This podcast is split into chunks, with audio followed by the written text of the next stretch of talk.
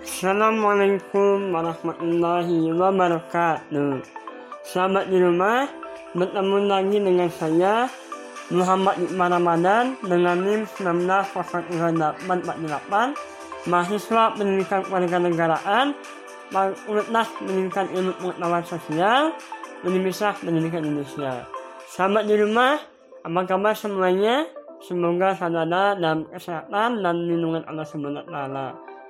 Dalam kesempatan ini, sahabat di rumah, saya akan mencoba menganalisis dan menanggapi materi yang dipresentasikan oleh kelompok 20 mengenai standar and deliver yet another standar basic framework and the ground network of research teacher education. Nah, dalam sebuah proses pembelajaran, memang perlu dibutuhkan sebuah standar agar pembelajaran itu jelas dan terukur arahnya mau ke mana.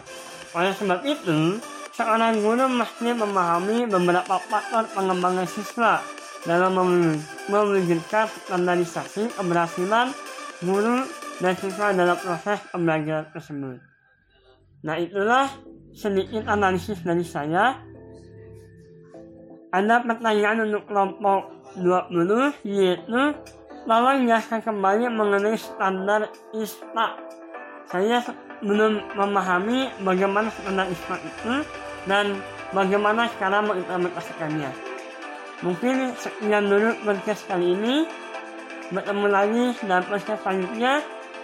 Tetap semangat. Wassalamualaikum warahmatullahi wabarakatuh.